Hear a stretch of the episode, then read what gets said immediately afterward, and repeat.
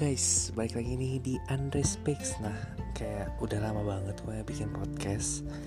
Almost satu bulan kayaknya Karena bingung nih lagi topik apa yang pengen gue bahas gitu kan. Dan kali ini ya pengen gue bahas di episode ke-31 Anjay, yaitu bucin Atau budak cinta.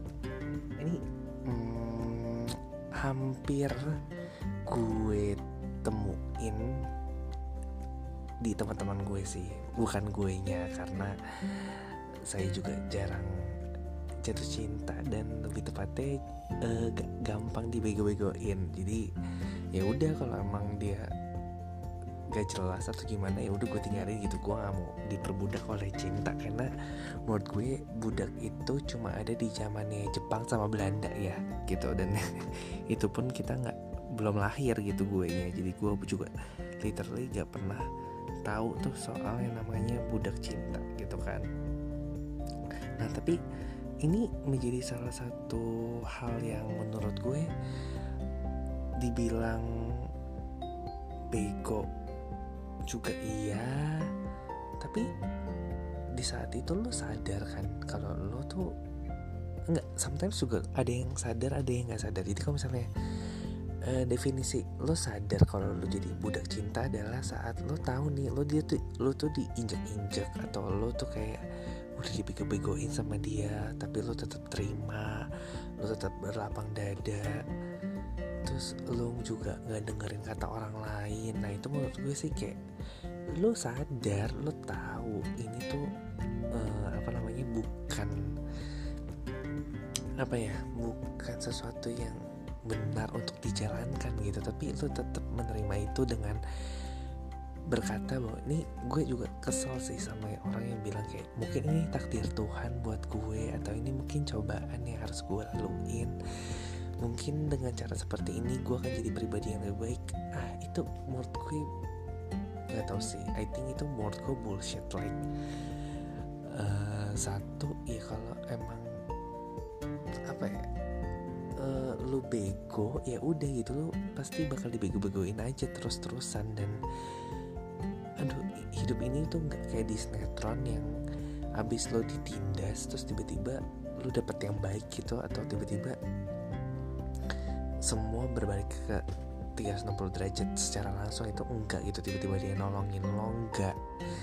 It's not about that gitu kayak hidup itu nggak segampang itu men. Jadi kalau misalnya emang lo ngerasa bahwa oke nih kayak gue udah diperbudak nih sama dia entah gue. Banyak sih jenis-jenis kayak budak cinta itu kayak satu lo diselingkuhin tapi ya udah lo maafin dia dan selingkuhnya tuh berkali-kali. Ini sedang terjadi di temen gue tuh sampai kayak gue tuh udah bilang berkali-kali sampai gue udah nasehatin kayak please deh uh, lu ngapain gitu maafin dia? Terus lu ngapain buka hati dia ke dia terus?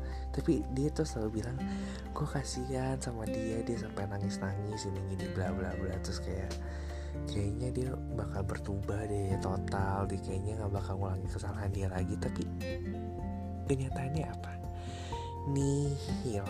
Dan bahkan dia melakukan hal itu terus terusan lebih dari satu kali. Jadi menurut gue kayak oke ini definisi yang namanya budak cinta. Jadi menurut gue selingkuh itu juga jadi salah satu tabiat ya menurut gue susah untuk di uh, lupakan atau ditinggalkan gitu aja gitu. Kayak berubah langsung kayak memberikan telapak tangan itu nggak bisa sih menurut gue.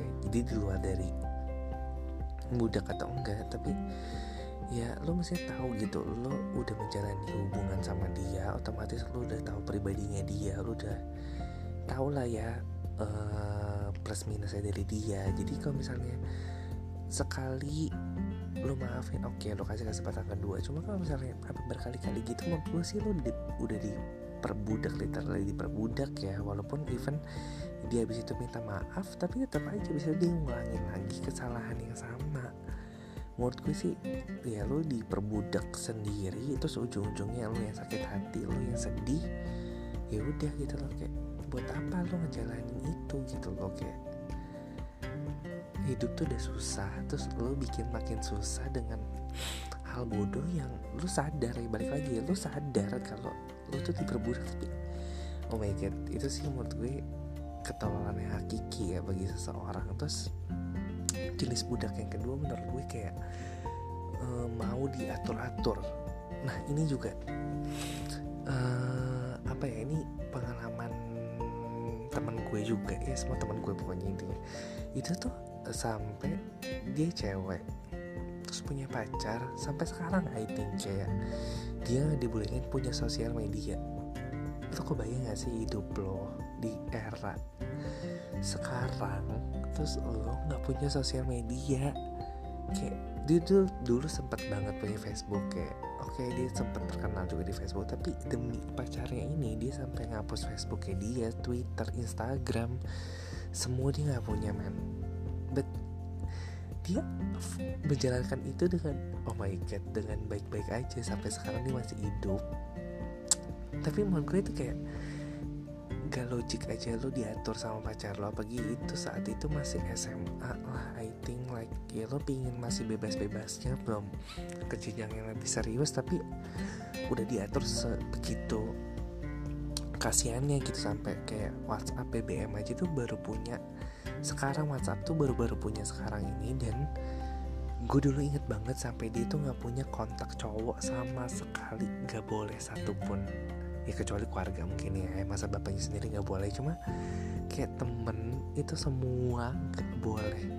Kebayang gak sih? Kayak itu crazy banget sampai gue sih literally kalau punya pacar kayak gitu amit-amit ya gue sih mendingan lebih baik kayak udah lebih baik kita gak usah lanjutin lagi. Soalnya kayak nggak apa ya satu jadi ya karena gue orangnya juga suka berteman sama siapa aja itu menurut gue kayak lo tuh mengganggu kehidupan sosial gue gitu secara pribadi. Karena kan temenan itu sama siapa aja bisa kan gak mesti.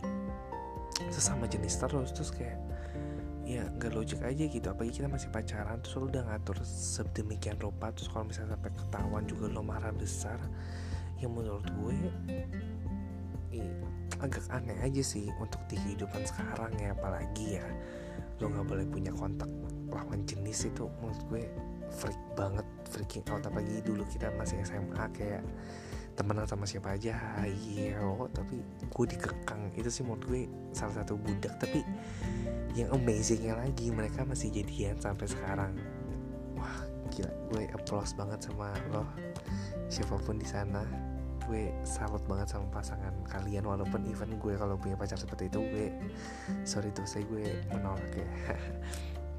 Terus yang ketiga mungkin menurut gue kayak mau disuruh-suruh.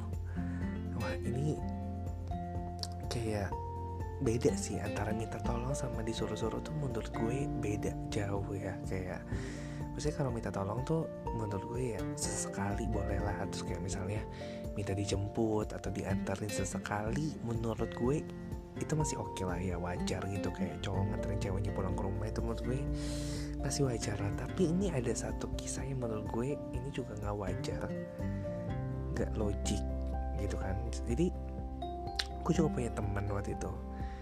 Uh, terus teman gue ini lagi kuliah di luar kota gitu lah. Misalnya di Bandung lah ya terus warganya kan di Jakarta. Terus tiba-tiba si keluarganya pacarnya ini lagi di Bandung ini ngecalling cowoknya pacar cowoknya ini untuk bantu-bantu beresin rumah pacar ceweknya yang notabene pacar ceweknya ini lagi di luar kota gitu. Kayak menurut gue kok aneh ya? Kayak freak banget gitu loh kayak mesti gue ini loh uh, gue juga nggak tahu sih seberapa deket si pihak pas cowoknya ini dengan keluarga ceweknya. Cuma menurut gue adalah gue juga sebagai orang tua atau ya siapa pun lah ya kayak pasti gak enak lah nyuruh nyuruh orang lain yang event itu bukan keluarga lo sendiri untuk bantu-bantu di rumah lo dan di saat jam kerja juga gitu loh. Kayak lo bayang gak sih? Itu gak logik aja sih menurut gue. Kecuali lo udah officially jadi menantu sama mertua gitu ya. Oke okay lah ya. Cuma ya ini sih kadang nyuruh nyuruh ini juga suka di apa ya namanya disamakan dengan itu kan udah jadi kewajiban lo gitu. Tapi menurut gue hmm, apalagi masih pacaran ya menurut gue ya lo mesti tahu lah ya kesibukan pasangan lo gimana. Apakah pasangan lo bisa apa enggak? Ya kalau lagi nggak bisa jangan lo paksa. Terus juga minta tolong juga lo mesti tahu kapasitasnya. Apakah dia lagi capek banget atau enggak? Ini kadang kan kayak gak tahu tempat gak mau tahu. Ya lo harus turutin semua permintaan gue. Like misalnya ada yang minta iPhone X ada yang minta iPhone 11 padahal ya gaji kita juga masih nihil gitu kayak gaji kita aja buat makan aja tuh susah terus tiba-tiba pacar lo minta sesuatu yang gak mungkin lo bisa kabulin. Itu menurut gue sih wah lo bakal diperbudak terus sih abis-abisan. Kayak lo bakal nyari duit ya cuma buat pasangan lo gitu loh. Padahal lo yang kerja lo yang usaha tapi lo yang gak nikmatin gitu. Terus amit-amit ujung-ujungnya lo yang diputusin kan mampus ya kayak udah goblok. Ruginya dua kali. Rugi secara material hati pikiran tenaga waktu. Uh udah semua deh. Semua rugi. Jadi menurut gue aduh buat kalian wahai-wahai budak-budak cinta aduh jangan stupid. Kalian tuh udah membuang waktu kalian energi tenaga pikiran otak. Semua demi pasangan kalian yang which is mungkin pasangan kalian gak seserius itu sama kalian. Ini balik lagi ya kalau misalnya memang pasangan kalian juga serius sama kalian kalian nggak bakal merasa diperbudak kok.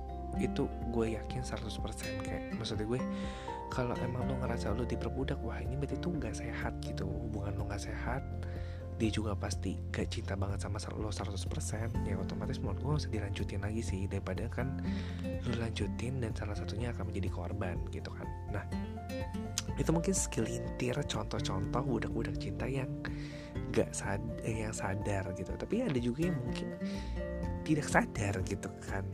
Uh, tidak sadar itu mungkin bisa jadi satu disantet atau dipelet kan banyak banget ya kisah-kisah yang kayak gitu kayak tiba-tiba dia mau disuruh apa aja tapi ya lo nggak sadar tapi tiba-tiba saat lo udah putus atau lo didoain atau lo diapain tiba-tiba lo sadar lo realize bahwa oh iya nih kayak gue selama ini tuh dibego-begoin sama dia. Tapi mostly sih kebanyakan yang gue temuin itu lo sadar. Tapi yang gue benci adalah eh, orang-orang ini memang nggak pernah dengerin kata orang lain gitu loh. Itu yang gue sangat sayangkan banget bagi orang-orang di sana yang menjadi budak-budak cinta. Karena sampai mulut gue berbusa pun sampai semua orang deh ngomongin lo nasihatin lo. Tapi kalau misalnya memang dari diri lo sendiri nggak mau berubah nggak mau sadar itu bakal mental gitu aja sih.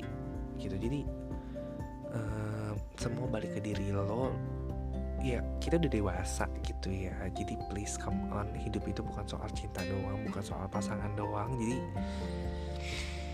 sabar nanti sabar. Nih saya ter terpancing emosi ya karena uh, sering banget apa yang gue katakan ke teman-teman gue supaya mereka nggak mengulangi kesalahan itu tapi mereka tuh tetap ulangin itu yang gue kesel gitu loh. Tapi ya udah ya itu kan pilihan hidup mereka jalan hidup mereka juga cuma mengingatkan menasehati supaya jangan sampai terulang lagi gitu kan. Jadi buat kalian semua yang masih ada di zona menjadi bucin please on realize pasangan kalian itu nggak cocok buat kalian kalian tinggalin aja kalian cari pasangan yang lebih baik lagi supaya kalian nggak menjadi budak-budak cinta. Oke? Okay? so thank you for listening my podcast. See you on next episode. Bye bye